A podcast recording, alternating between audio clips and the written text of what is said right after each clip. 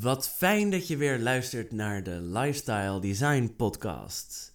Deze week gaan we het hebben over hoe je niet blijft rondlopen met dat ene briljante idee, maar er een bedrijf van maakt.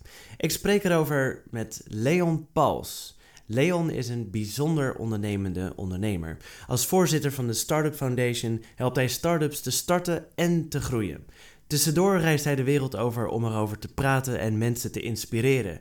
Oh ja, hij runt ook nog een coworking space in Rotterdam, waar ondernemers, influencers en inspirators binnen de ondernemerswereld samenkomen. Als jij een persoon bent en je, hebt nu, je werkt voor een, werkgever, maar je hebt een goed idee, ehm, probeer dan te realiseren van je mag het best uitdenken van hoe het er in de toekomst uit zou kunnen zien, maar je moet beginnen met wat je hebt.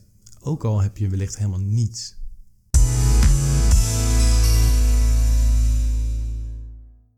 En dan nog even dit. Word je nou heel blij van de Lifestyle Design podcast? Abonneer je dan. Klik op follow hier op je favoriete podcastkanaal. En luister je nou op Apple Podcasts? Help ons dan om onze podcast bij meer mensen onder de aandacht te brengen door bijvoorbeeld een 5 sterren rating te geven.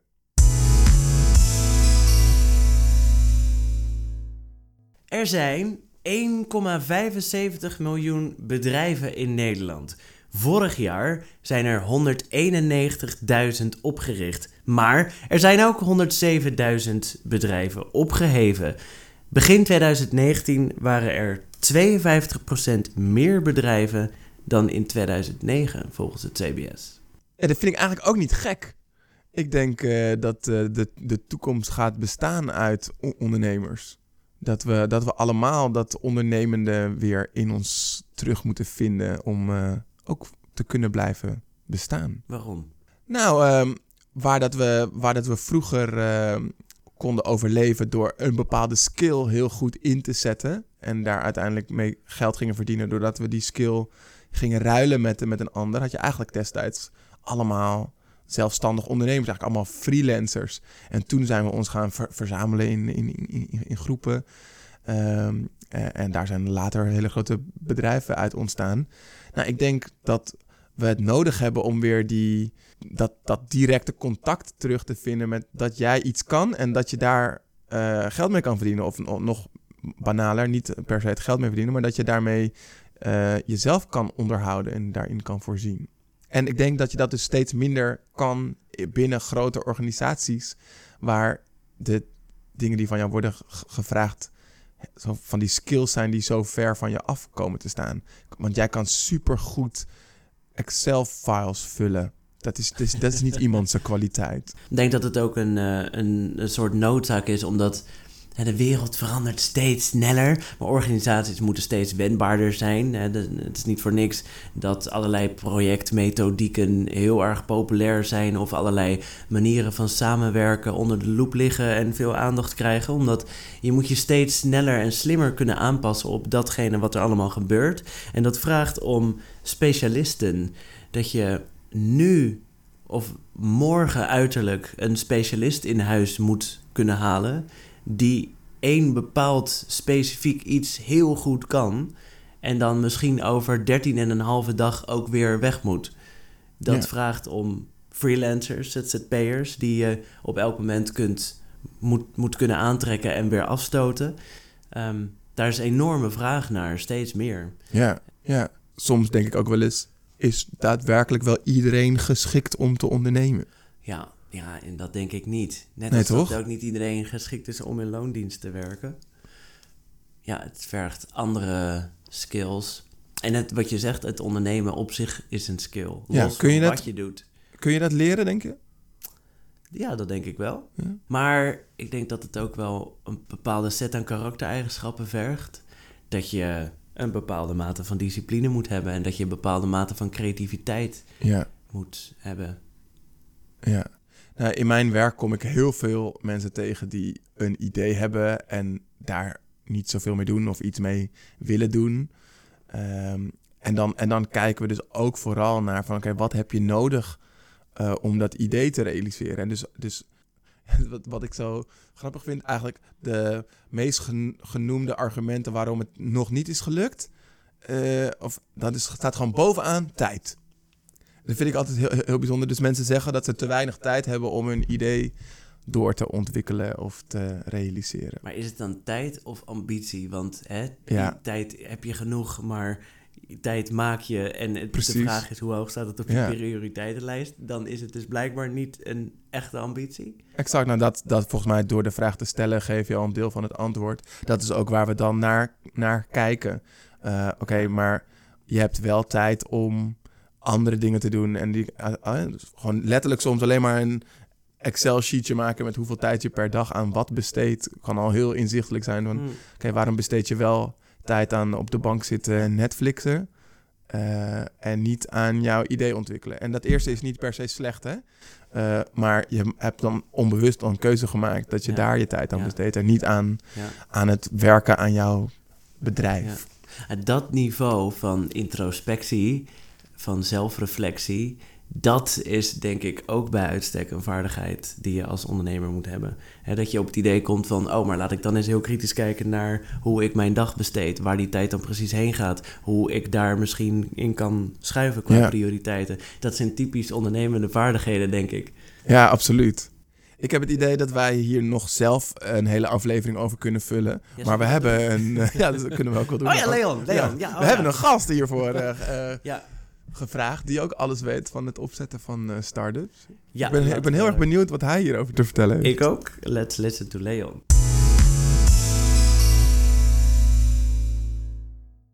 Welkom Leon, fijn dat je mee wil doen aan de Lifestyle Design Podcast. Graag gedaan. Dat lijkt me hartstikke leuk. Eh, waarom ben je eigenlijk ondernemer geworden? Ja, dat is een goede vraag. Ehm, lang verhaal. Kijk, natuurlijk eh, kan ik zeggen van ik wil mijn eigen ding doen en eh, ik wil niet voor een baas werken, maar dat heb ik heel vaak gedaan. En zelfs toen ik voor het eerst ging freelancen, dan heb je toch echt wel eh, opdrachtgevers waar je veel mee samenwerkt. En, en zeker toen ik begon was er toch wel een soort van ja, hiërarchie. Dus je werkte eigenlijk gewoon nog steeds voor een baas. Daar kwam het eigenlijk wel op neer. Ehm, en ik had zeker niet alle vrijheid, want je hebt nog niet skills en je hebt eh, nog niet de middelen om echt gewoon eh, je eigen ding te doen. Dus het is eigenlijk altijd een beetje een onzinverhaal als ik dan zeg van, ja, ik wilde gewoon voor mezelf werken en ik wilde vrijheid. Ehm, nee, het was voor mij heel simpel. Ik, ik was op school en eh, ehm, er waren wat persoonlijke dingen gebeurd, waardoor ik eigenlijk school, daar, daar liep ik een beetje achter en het was, en ik woonde al op mezelf. En toen was de keuze op een gegeven moment van... oké, je doet nu wat, wat freelance werkers leuk. Hoe oud was je Ehm, toen? Ik denk begin twintig. Oké. ergens. Ik weet niet precies hoe oud ik was. En, maar het kwam er eigenlijk op neer van... oké, ik was een beetje aan het freelancen... en ik kon dat fulltime gaan doen... en ongeveer 5000 euro per maand omzetten. Dat is niet verkeerd Nee, dat is op zich om niet mee te verkeerd. beginnen. Ja, ehm, maar gewoon ja, fulltime uurtje factuurtje, weet je wel. Dus dan, dan kom je daar wel aan. Ja. Ehm, of gaan eh, stage lopen. Dat moest ik ook nog doen. En toen dacht ik, oh, moet ik stage gaan lopen? En Oké, en wat krijg je dan? Ja, maximaal 500 euro vergoeding of zo. Zo, Nou, dikke, jee. En ik zat op het... ja, is trouwens geen slechte vergoeding. Het kan veel erger. Ja, nog. maar ik zat op het Grafisch Lyceum en ik had echt zoiets van, ja, als je dit een beetje kan, een website bouwen of eh, iets online doen of zo, weet je wel, dan, dan heb je helemaal geen papiertje nodig, dacht ik. En dat, daar, sta ik eigenlijk ook best wel achter. Als je, ik ben geen goede grafisch vormgever, maar als je een goede grafisch vormgever bent of media vormgever, dan, dan zegt het papiertje niet zoveel. En dan wil een werkgever vooral je portfolio zien en zien wat jij gebouwd hebt.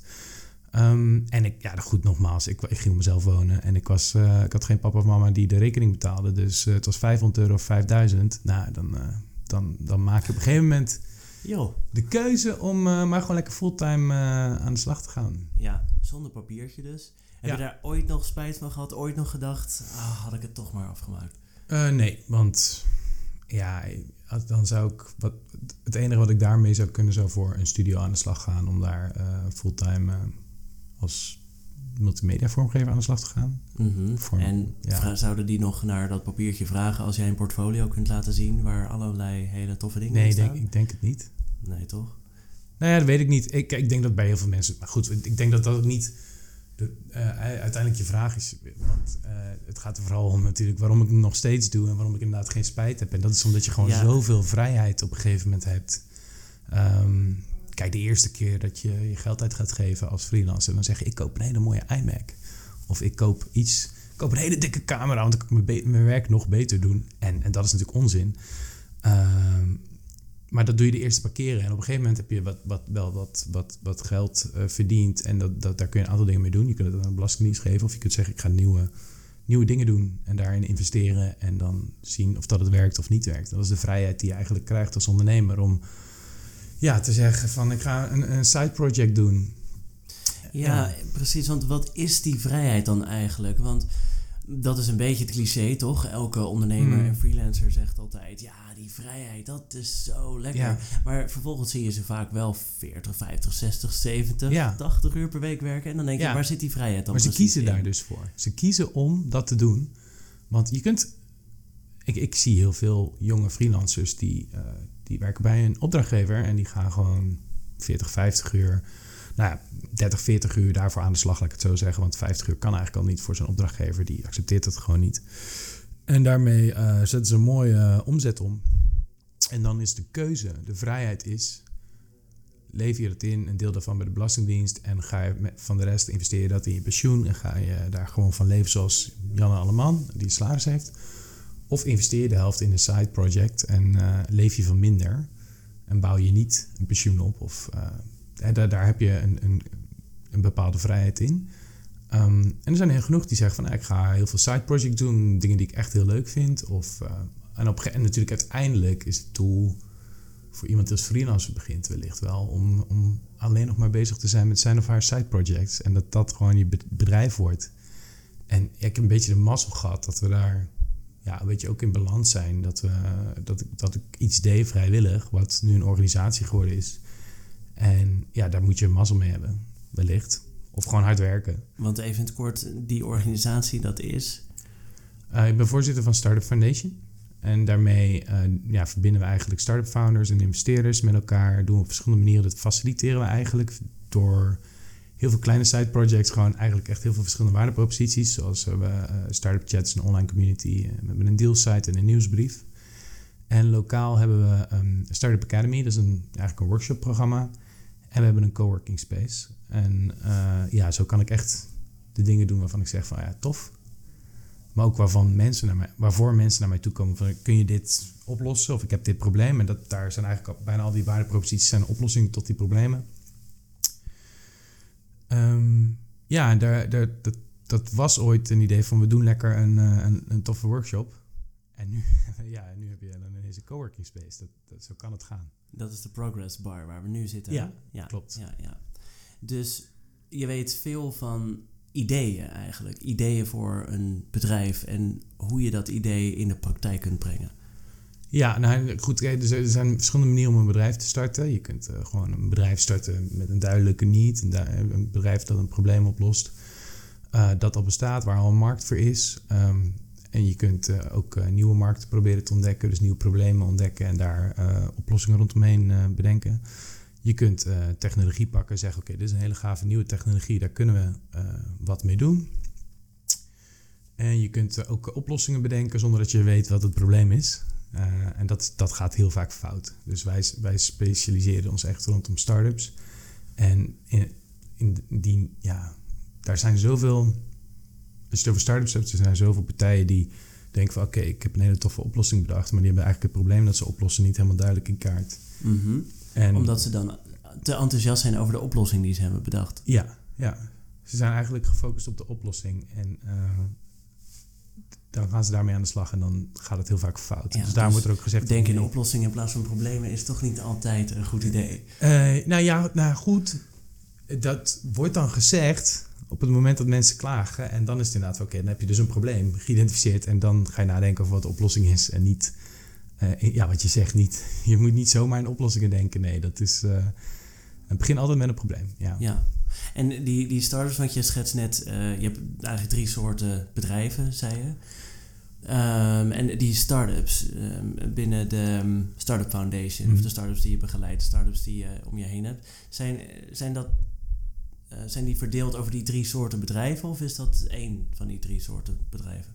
Nee, wij doen voor startups doen we eigenlijk, uh, maken wij geen onderscheid. We zeggen ook niet, we pakken niet een, een, een vertical of een, uh, een segment. We zeggen van, joh, als ik geloof dat als je een start-up doet, dat je uh, innovatief bezig bent. En dan ben je met nieuwe methodes bezig om succesvol te worden, want iedereen kan ondernemen. Um, dus ja, het klopt dat je eh, dat het nog nooit zo makkelijk is geweest om te starten, maar het is ook nog nooit zo ingewikkeld geweest om succesvol te worden. Waar, waar ik vooral met jou op wil inzoomen is. Ja. ehm, dus er zijn natuurlijk heel veel mensen die een, oh, nou ja, of een start-up willen beginnen, maar eigenlijk daarvoor begint het gewoon bij. Iemand heeft een goed idee. Ja, denken je- ze. Ja, dat denkt precies. je wordt wakker en je denkt eh, nog een beetje eh, half slaapdronken van... wow, ik heb eh, daarnet in mijn slaap iets bedacht. Dat is Ja. volgens mij echt briljant. Of je hebt in een kroeg gezeten met een vriend en nou ja, in ieder geval leek het na tien bier een goed idee. En soms heb je de volgende dag dat je nog steeds denkt... oh, maar dat was echt een goed idee. Ja. Hoe kom je er dan achter of dat...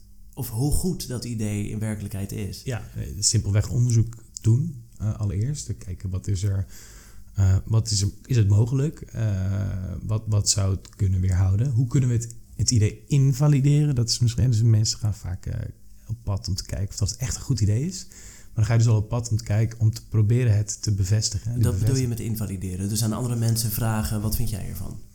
Nou, dat, en- maar misschien ook gewoon onderzoek doen. Waarom is het nog niet eerder gedaan? Is het een goed idee? Is het een gek idee? Eh, het moet misschien een beetje een gek idee zijn, want Airbnb was ook een gek idee. Aha. Eh, en uiteindelijk was het een geniaal idee, maar iedereen vond het een gek idee. Het moet gek geniaal zijn.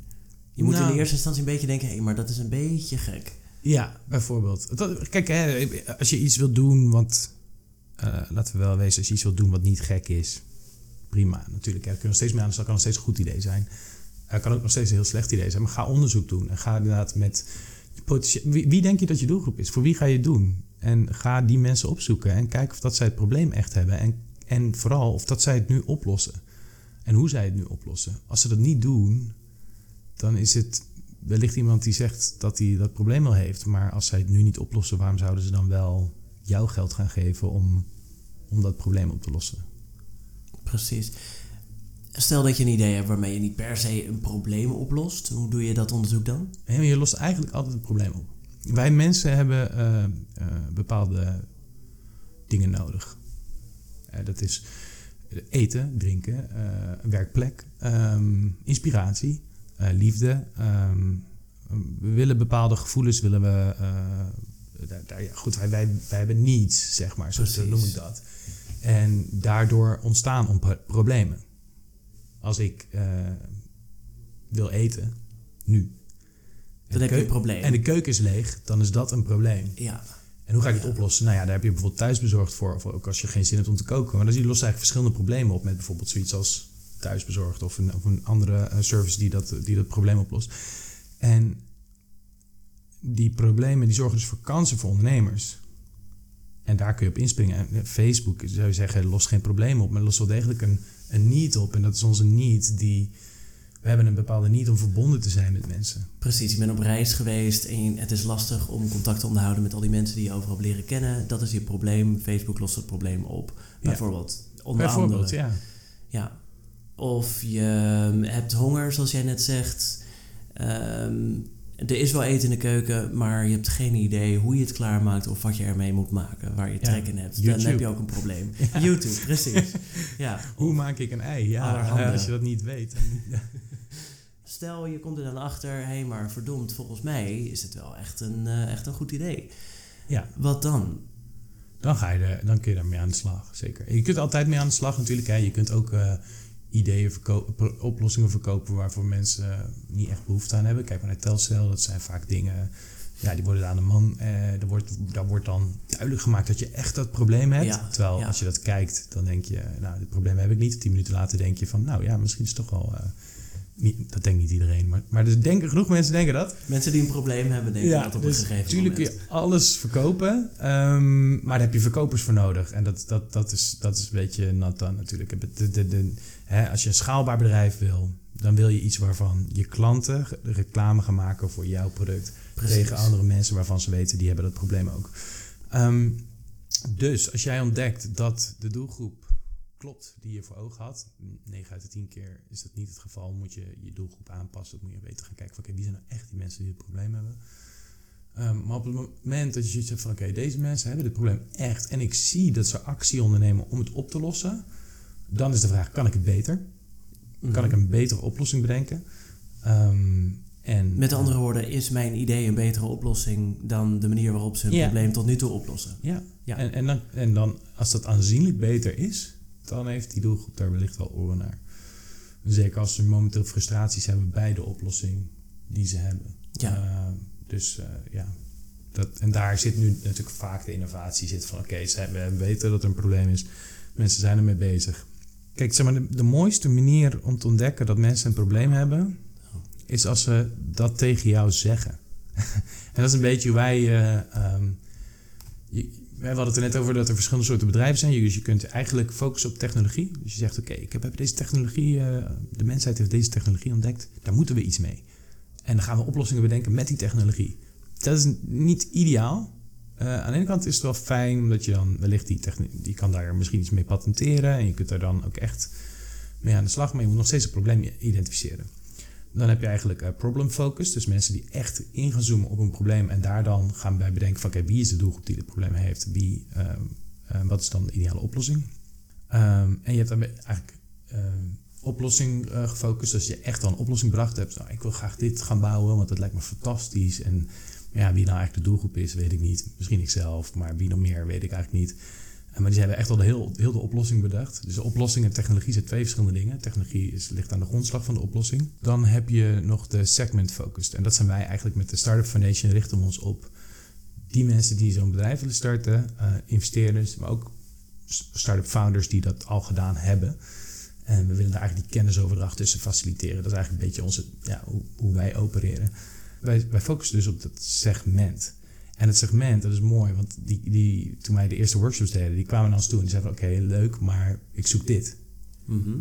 Nou, zo kwamen ze op een gegeven moment naar ons toe en zeiden ze van, ja, kun je dit vaker doen, een meetup organiseren? Want op een gegeven moment gingen we meetups organiseren. Ik zeg, dat kan, maar het is veel werk, ik weet niet of dat de moeite waard is. En er kwamen ook andere mensen naar ons toe. En die zeiden van, ja, ik zoek een werkplek. Ik zeg, nou, er zijn tientallen werkplekken in Rotterdam. Ga lekker daar werken. Ja, maar er zitten geen mensen die producten maken.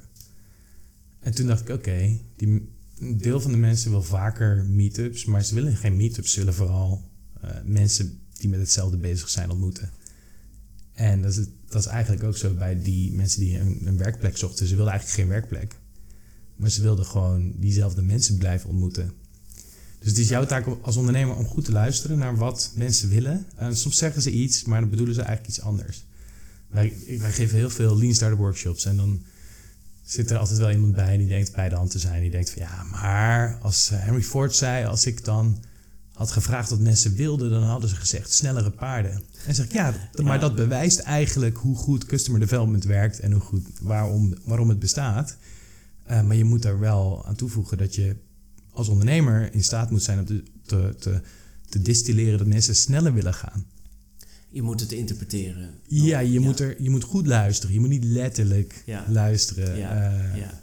Nee, precies, want die klant is klant en geen ondernemer. Dus die klant heeft nog niet bedacht wat een mogelijk betere oplossing kan zijn voor zijn Exact, probleem. ja. En Henry wist dat wel. Hij dacht, oké, ik kan die motoren gebruiken met, in de combinatie met wielen. En op een gegeven moment heb je een wagen. En hij wist, als mensen echt per se sneller willen, dan is dat de enige manier. Precies. Dus, we hebben het even gehad over hoe beoordeel je nou of dat idee van jou, of dat nou echt een goed idee is. Nou, even terug naar het voorbeeld. Je wordt dus wakker, je hebt een idee, je weet inmiddels ook. Nou, daar, wil ik, dit is- daar wil ik, sorry, daar wil ik nog even één ding aan toevoegen. Ja. Want dat, daar hebben we het niet helemaal over gehad. We hebben het daarover gehad, maar hoe beoordeel je nou of dat een idee echt een goed idee is? Dat is dus uiteindelijk, kun je er, krijg je er geld voor, voor de oplossing. Als jij inderdaad eh, eh, herhaalbaar een oplossing of een probleem kunt oplossen, omdat je er geld voor krijgt, wordt het herhaalbaar. Omdat je dus je eigen kunt, kunt onderhouden door dat te doen. eh, dan heb je een goed idee te pakken. Als mensen alleen maar bereid zijn om een complimentje te geven en mee te helpen aan je onderzoek, maar niet om je ook daadwerkelijk geld te geven voor het oplossen van het probleem, dan is het niet sustainable. Dan kun je het niet blijven doen.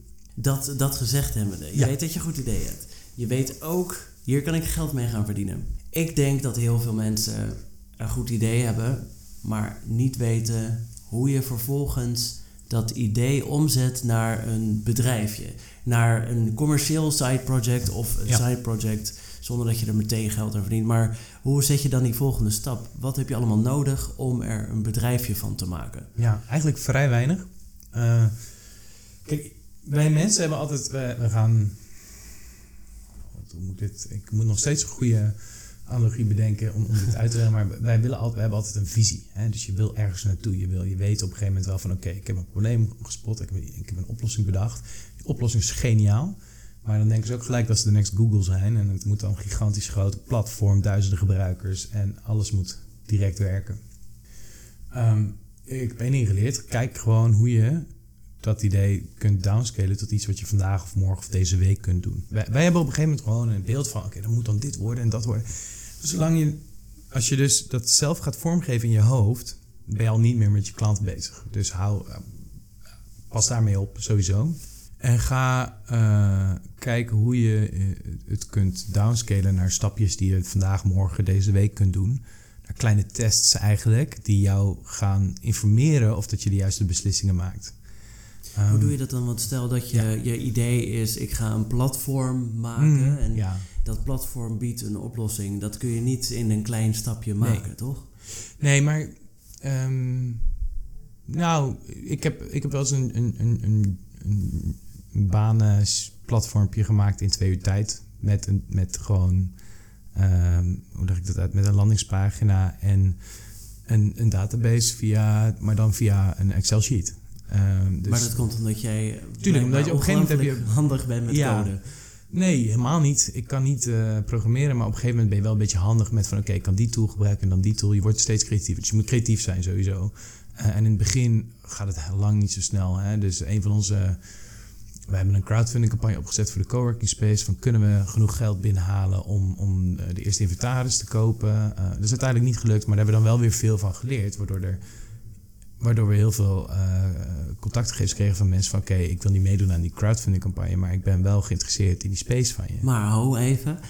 Die persoon die wakker wordt, die Ja. kan niet zoals jij coderen. En die Nee. eh, weet misschien net wat crowdfunding is, maar die heeft, heeft geen idee hoe je dat opzet. Nee, maar zeg maar een, een ding dat iedereen kan proberen. Kijk, natuurlijk moet je heel veel leren als je dit allemaal nog nooit gedaan hebt. Als je nog, nog nooit ondernemend bent geweest, nog nooit een feestje hebt georganiseerd of eh, noem het maar op, dan, dan moet je heel veel gaan leren. Maar dan moet je, gewoon, je moet dan heel veel gaan doen en heel veel gaan leren. Dus een van de dingen die iedereen kan gaan proberen is een bijeenkomst opzetten. Dus eh, we hadden Mhm. laatst eh, eh, een jongen in mijn netwerk wilde een vastgoedplatform neerzetten. Maar was ook geen developer en had ook geen geld. Kijk, ik heb tegen haar gezegd van waarom organiseer je niet een informatiebijeenkomst of een workshop waar je mensen leert hoe ze mooie huizen kunnen sourcen. Dus waar je mooie huizen kan vinden en hoe je dan de beste deal kunt sluiten met de eigenaar van het huis. Dat kan een workshop zijn, die kun je verkopen. Maar het gaat er dan voor, het gaat er eigenlijk niet om dat je iets hebt om te verkopen, want dat wilde hij niet doen per se. Maar het gaat erom dat je daarmee aan jezelf kunt bewijzen dat je die mensen kunt bereiken voor wie je dat platform wil maken. En dat je een klantenbestand opbouwt, of in ieder geval een database van mensen die interesse hebben in dat platform. En als zo'n bijeenkomst lukt en je weet van oké, ik moet dan een Facebook-event hebben of een Eventbrite, of ik moet een platform hebben waar ik een event kan organiseren en een ruimte. Ehm, met al die praktijkervaring kom je, word je steeds ondernemender en leer van oké, soms gaat het fout, soms gaat het goed, maar ja, dat is iets wat je vandaag kan doen. En, en je moet iets, je moet beginnen met iets waar je, waar je mee aan de slag kunt. Ehm, waar ik van hou om naar te verwijzen is eigenlijk de effectuation principles. En dat betekent eigenlijk dat je moet beginnen met bird in hand. Dus we kennen allemaal de uitdrukking beter één vogel in de hand dan tien in de lucht. Mhm.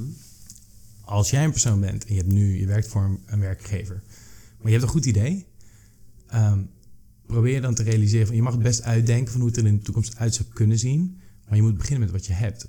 Ook al heb je wellicht helemaal niets. En dan moet je gaan kijken van oké, maar wat kan ik met wat ik wel heb? Wat kan ik met de mensen in mijn netwerk? Wat kan ik met de beperkte middelen die ik heb? Kan ik vanuit huis beginnen? Ehm, heb ik een, een mooie universiteit met een eh, mooie eh, bibliotheek op de universiteit waar ik eh, mijn bedrijfje vandaan kan gaan, kan gaan draaien? Welke informatie heb ik nodig? Ja, dat, dat zul je zelf moeten doen. Maar meestal begint het met de realisatie doen dat je daar echt mee moet beginnen. Want ik- had in Estonia een start-up die zei... Ja, we hebben een heel tof idee. We hebben eh, ook een heel tof businessplan. Wij willen eh, chocolade op de markt gaan brengen met aphrodisiacs erin. Nou, ik vond het heel tof. lustopwekkende chocola. Lustopwekkende chocola. En ik vond het eh, erg tof klinken. Ik dacht, nou, dat is best wel een cool idee. Ja, Ik had het nog niet eerder gezien. Ehm, dus ik dacht van dat ik zou dat wellicht wel kopen als ik het ergens zou, zou zien liggen. Ik denk, Ja. dat is misschien een leuk cadeau. Ehm, maar zij zochten twee ton financiering. Die hadden ze niet, maar dat, dat is wat ze wilden hebben om de productie te kunnen starten. Ja, en mijn advies aan hen was van jongens, het is allemaal leuk en aardig, maar je zit nu te wachten tot er een investeerder jou twee ton wil geven. Waarom bewijs je niet eerst dat je het kunt verkopen? Ja, want Want- anders dan krijg je ook geen investeerder die je in één keer twee ton geeft. Ja, nou ja, goed, misschien lukt het uiteindelijk wel. Weet je, het was wel een leuk idee.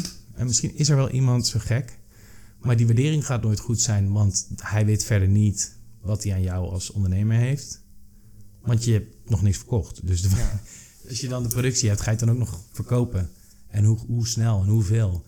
Ehm, maar je kunt gewoon op eBay of op Marktplaats of op, op, op een, een third-party platform kun je je, je je waren aanbieden.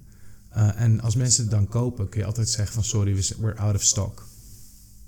Weet je, dat is wellicht... Een soort klein onderzoekje om te peilen hoeveel Juist. vraag is er naar. Ja, en hoe, hoe, hoeveel kost het om die dingen te verkopen? Ja, je zou misschien ook een enquête kunnen doen. Vragen aan mensen, zou je bereid zijn om 3 euro te betalen voor een reep lustopwekkende chocola? Eh, nee. Nee? Ja, sorry. Eh, dat is een van de dingen die we mensen leren. Doe dat absoluut niet. Want, want eh, mensen willen heel erg graag andere mensen helpen. Eh, en, would you questions, zeg maar alles toekomstgerelateerd, is heel erg gevaarlijk. Omdat je, je krijgt dus snel een... Mensen hebben zoiets van, oh, het is een... Ook als ze je niet kennen. Ja, ook als ze je niet kennen. Dus je moet een, een reep chocola hebben en dan Je eh, moet zeggen, echt hier, koop hem, 3 euro. Als mensen Ja. dan nog zeggen ja, dan weet je het. Nou, dat is in ieder geval... Het antwoord daarop is vele malen meer, maar is feit. Precies. En iemand Ja. die zegt van, oh ja, dat zou ik wel kopen. Nee, dat, dat zeer 90% kans dat, het, dat ze het niet zouden kopen. Ja, als ze dat ja. Ik vind dit een goed voorbeeld. Laten we steeds denken vanuit het voorbeeld van de lustopwekkende chocola. Ja, prima. Oké. Dus je wordt wakker met dat idee, lustopwekkende chocola. Je, we hebben inmiddels ontdekt dat het een goed idee is. We Ja. weten inmiddels ook dat niet een van de manieren om daarachter te komen is... Would you questions? Zou je 3 euro Ja. over hebben voor deze? Maar dat ga je dus echt verkopen. Nee, gewoon mensen echt laten afrekenen. Precies, oké. Ja. Ja. Dus dan kom je erachter, nou, er zijn echt veel mensen eh, die bereid zijn om 3 euro eh, Ja. te betalen voor zo'n reep Ja, en, idealiter ga je nog een stap terug van waarom hebben mensen er überhaupt behoefte aan? Want die, dat probleem los je eigenlijk op. Is het echt een gimmick of is het echt iets waarvan mensen denken van oké, ik vind dat... Ik wil unieke chocola hebben. Dat kan ook zijn, hè? Dat ze zeggen van nou, ik vind het saai om normale chocola te eten. Ik wil gewoon uniek hebben. Of heeft het echt iets met die aphrodisiacs te maken? Dat ze zeggen van nou ja, ik ben, Ja. ben die blauwe pilletjes beu, dus ik wil... Mhm.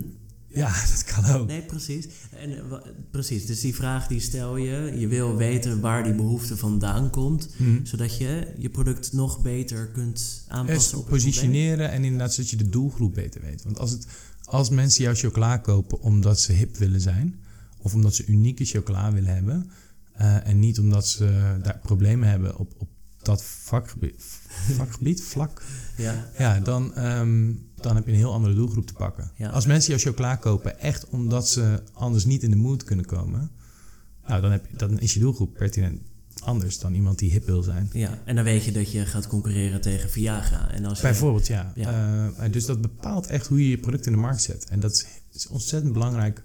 En, en zij zitten, zijn dus heel erg vanuit oplossing bezig. Niet eens zozeer technologie, maar ze hebben echt een concept bedacht van, nou, dat klinkt leuk. Maar ja, dat is het, het moeilijke daaraan is, je moet dan echt nog gaan beginnen voor wie en welk probleem lossen we op. Zodat je weet hoe je het, ehm, zodat je het op een betaalbare manier in de markt kan zetten. Want het gaat erom, je, iedereen kan tegenwoordig adverteren op Facebook, op Google. Maar als je niet weet wie jouw product kopen, wie, heel, wie het meest geneigd is om jouw product te kopen, dan is het heel duur om erop te adverteren. Omdat je eigenlijk moet segmenteren. Precies. En dat is ook weer een belangrijke reden, denk ik, om erachter te komen waarom mensen jouw product interessant vinden. Ja. Waar die behoefte dus vandaan komt. Ja. Ehm, hoe kom je daarachter? Ja, onderzoek. En dat is dus op. ehm, voor elk bedrijf is het anders. Eh, deze jongens zouden wellicht gewoon. Het, pro- ze zouden de oplossing op internet kunnen aanbieden en daadwerkelijk diepte-interviews kunnen gaan doen met de eerste mensen die het geprobeerd hebben te kopen. Eh, kijken van of dat daar patronen in zitten. Wat, wat zijn de similarities of de overeenkomsten tussen de mensen die een bestelling hebben geplaatst. Dus ik zou, eh, ik zou geprobeerd hebben om 100 bestellingen te realiseren in een bepaald timeframe. Dus bijvoorbeeld in een maand. Als dat lukt eh, met een product waarvan je eigenlijk nog geen klanten hebt, dan, eh, dan ben je al heel ver. Maar dan kun je dus ook met van, vanuit die 100 kun je kijken van oké, kunnen hoeveel interviews kunnen we met deze mensen regelen? Ja. Kunnen we met 20 personen een Skype call doen, waarin we echt proberen te ontdekken wat nou de reden is dat ze het gekocht hebben. Mhm. En dan, je weet waar die behoefte precies vandaan komt. Eh, Wat zijn dan de eerste stappen die je moet zetten om te gaan beginnen?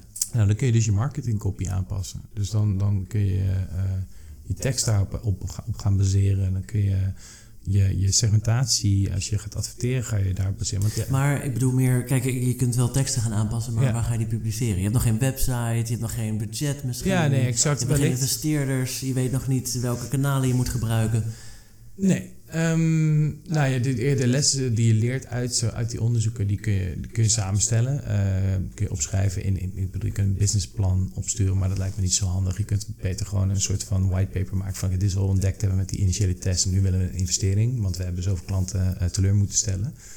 Ehm, en, en een website, ja, die kun je daar ook op, op baseren. Kijk, die website is op dat moment eigenlijk nog niet belangrijk. Want je bent al begonnen met testen via third-party partners. Dus een bol.com, een Marktplaats of een eBay. Ehm, maar het gaat er voor, op dat moment is het belangrijk om inderdaad die initiële investering rond te krijgen. Zodat je de productie kunt beginnen. Dus nog voordat je de website hebt, je hebt, je hebt dus je chocola verkocht via eBay bijvoorbeeld en je bent erachter gekomen, mensen kopen dit. Ik weet inmiddels ook waar die behoefte precies vandaan komt, want ik heb Ja. ook diepte-interviews gedaan. Dat is het moment waarop je een investeerder gaat zoeken. Nou goed, het ideale moment zou ik niet durven pinpointen. Het is niet mijn bedrijf. Maar als je echt afhankelijk bent van geld om de productie te starten. Eh, en, je, je bewezen dat je het kunt verkopen tegen favorable costs. Dus je, je weet van oké, ik moet dit investeren in een marketingcampagne om überhaupt iets te. Want je kan niet iets op online zetten en hopen dat het verkoopt. Je zult het sowieso onder de aandacht moeten brengen. Ehm, en dan weet je op een gegeven moment dus ook wat, wat het kost om iets te verkopen. En of dat het minder is dan wat het opbrengt. En als, als je daar niet bent, dan, dan kun, je, kun je wel een investeerder gaan zoeken. Maar je kunt beter wachten met een investeerder, in mijn optiek. Totdat je eh, lagere kosten hebt dan opbrengsten. Ja, Ja, en dan kun je dus eh, eh, die investering gebruiken om de productie aan te gaan en daadwerkelijk te gaan leveren. Dat is een voorbeeld. Ja. Voor elk bedrijf is er een andere weg naar starten, zeg maar. nee zeker, want als je geen chocola verkoopt, maar je verkoopt een online dienst, bijvoorbeeld een Ja. Ik noem Ja. maar wat, Zeker. dan heb je geen investeerder nodig, Nee. sowieso al. Ja, zo Ehm, hebben we hier iemand, eh, dat is wel een mooi voorbeeld. Eh, Frank heeft gisteren, Frank hier, die verkoopt een online course. Althans, daar is hij mee bezig, die is hij aan het ontwikkelen. Ehm, en hij heeft de afgelopen maand ook een andere pagina ontwikkeld online met ehm, allemaal overzichten van hoe eh, andere bedrijven zijn gestart en hoe, andere, hoe grote bedrijven die we nu kennen, zoals eh, Apple en Facebook, hoe zij hun eerste 10.000 gebruikers hebben gekregen. Daar heeft hij een overzicht van gemaakt, puur om zijn eigen course te gaan vermarkten. Uh, gisteren, gisteren is hij daarmee ehm, op, op nummer 1 gekomen bij Product Hunt. Dus eigenlijk een soort van eh, ontdekkingsplatform voor nieuwe bedrijfjes, nieuwe Ja. producten. Ehm, en ja, daar heeft hij best wel tijd in geïnvesteerd. Misschien meer dan nodig was, maar de, de ontvangst is ook heel goed. En dat is eigenlijk een soort van marketingkanaal voor zijn nieuwe product. En ja, dat, dat heeft hij nog niet af. Maar hij heeft wel zoiets van, oké, ik kan alvast een klantenbestand gaan bouwen. Ik weet precies wat ik wil gaan doen. En ik kan zo dus peilen, zonder daadwerkelijk gelijk met een course te beginnen, of dat de behoefte is. Dus hij heeft bijvoorbeeld een aantal weken geschreven aan die website. Een aantal weken fulltime niet, maar een aantal weken, een paar avondjes heeft hij eraan gewerkt. Hij heeft het gepubliceerd en hij merkt nu van oké, het is echt een probleem voor mensen. Van hoe kom je nou, als je een bedrijf hebt en je hebt je eerste gebruikers, hoe ga je nou schalen naar de eerste 10.000? Dus je hebt een paar honderd gebruikers, prima. Maar je wil er wellicht wel miljoenen. En hoe ga je dan naar de eerste 10, 15.000? En dat is wel eh, een uitdaging voor heel veel bedrijven. En daar heeft hij dus een online course over gemaakt. Daar wil hij heel graag een online course over ontwikkelen. Want dat is ook voornamelijk weer creativiteit. Want je kunt, kijk, helaas eh, eh, kun je dat niet van tevoren zeggen. Ik kan niet zeggen hoe jij met jouw podcast nu eh, 15.000 eh, subscribers Ah, gaat krijgen. Jammer, Nee, het moet gewoon in eerste instantie moet het natuurlijk een hele goede podcast zijn. precies. Een goed product. Dus je bedrijf moet goed zijn. Eh, je, oplossing moet uiteindelijk goed zijn. En mensen moeten erover tevreden zijn. Maar dan is nog maar de vraag van... oké, hoe ga je nou zorgen dat je heel snel gaat groeien? Ehm, en wij hebben het vooral voor jouw luisteraars over van... oké, hoe start je met een idee? Eh, maar als je dan helemaal gestart bent... en je hebt een schaalbaar concept... ja, dan is de uitdaging nog steeds van hoe ga je... wat voor creatiefs kun jij bedenken... zodat je ineens 10, 20, 30.000 gebruikers of klanten gaat krijgen? Jazeker. Hey, dat lijkt me een heel fijn onderwerp voor een toekomstige aflevering. Voor nu denk ik dat luisteraars aan de slag kunnen met al jouw fantastische tips. Leon, heel erg bedankt.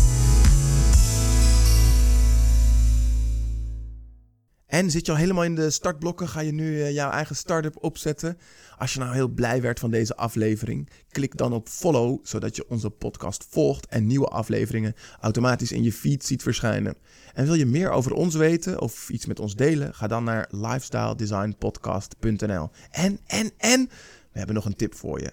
Voor als je geïnteresseerd bent in ondernemen of in marketing of allebei. Jelle Drijver maakt een hele fijne podcast genaamd de Jelly Driver Podcast. En daarin gaat hij in gesprek met ondernemers, auteurs en andere mensen die hij interessant vindt. Denk bijvoorbeeld aan de founders van onder andere Trello, Hootsuite, Indiegogo, maar ook de lokale ondernemers op de hoek. Oh, en hij maakt ook de Op de Podcast. Dat zijn gesprekken die net zo lang duren als het gemiddelde toiletbezoek van zijn gast. Beide podcasts zijn te vinden op alle bekende podcastkanalen. Volgende week gaan we het hebben over falen en hoe je daar beter in wordt. Ja, dan spreek ik met Saakje Bakker. Zij is bedrijfskundig verwonderaar en faalkundig trainer. Ze heeft falen tot een ware kunst verheven. Tot volgende week.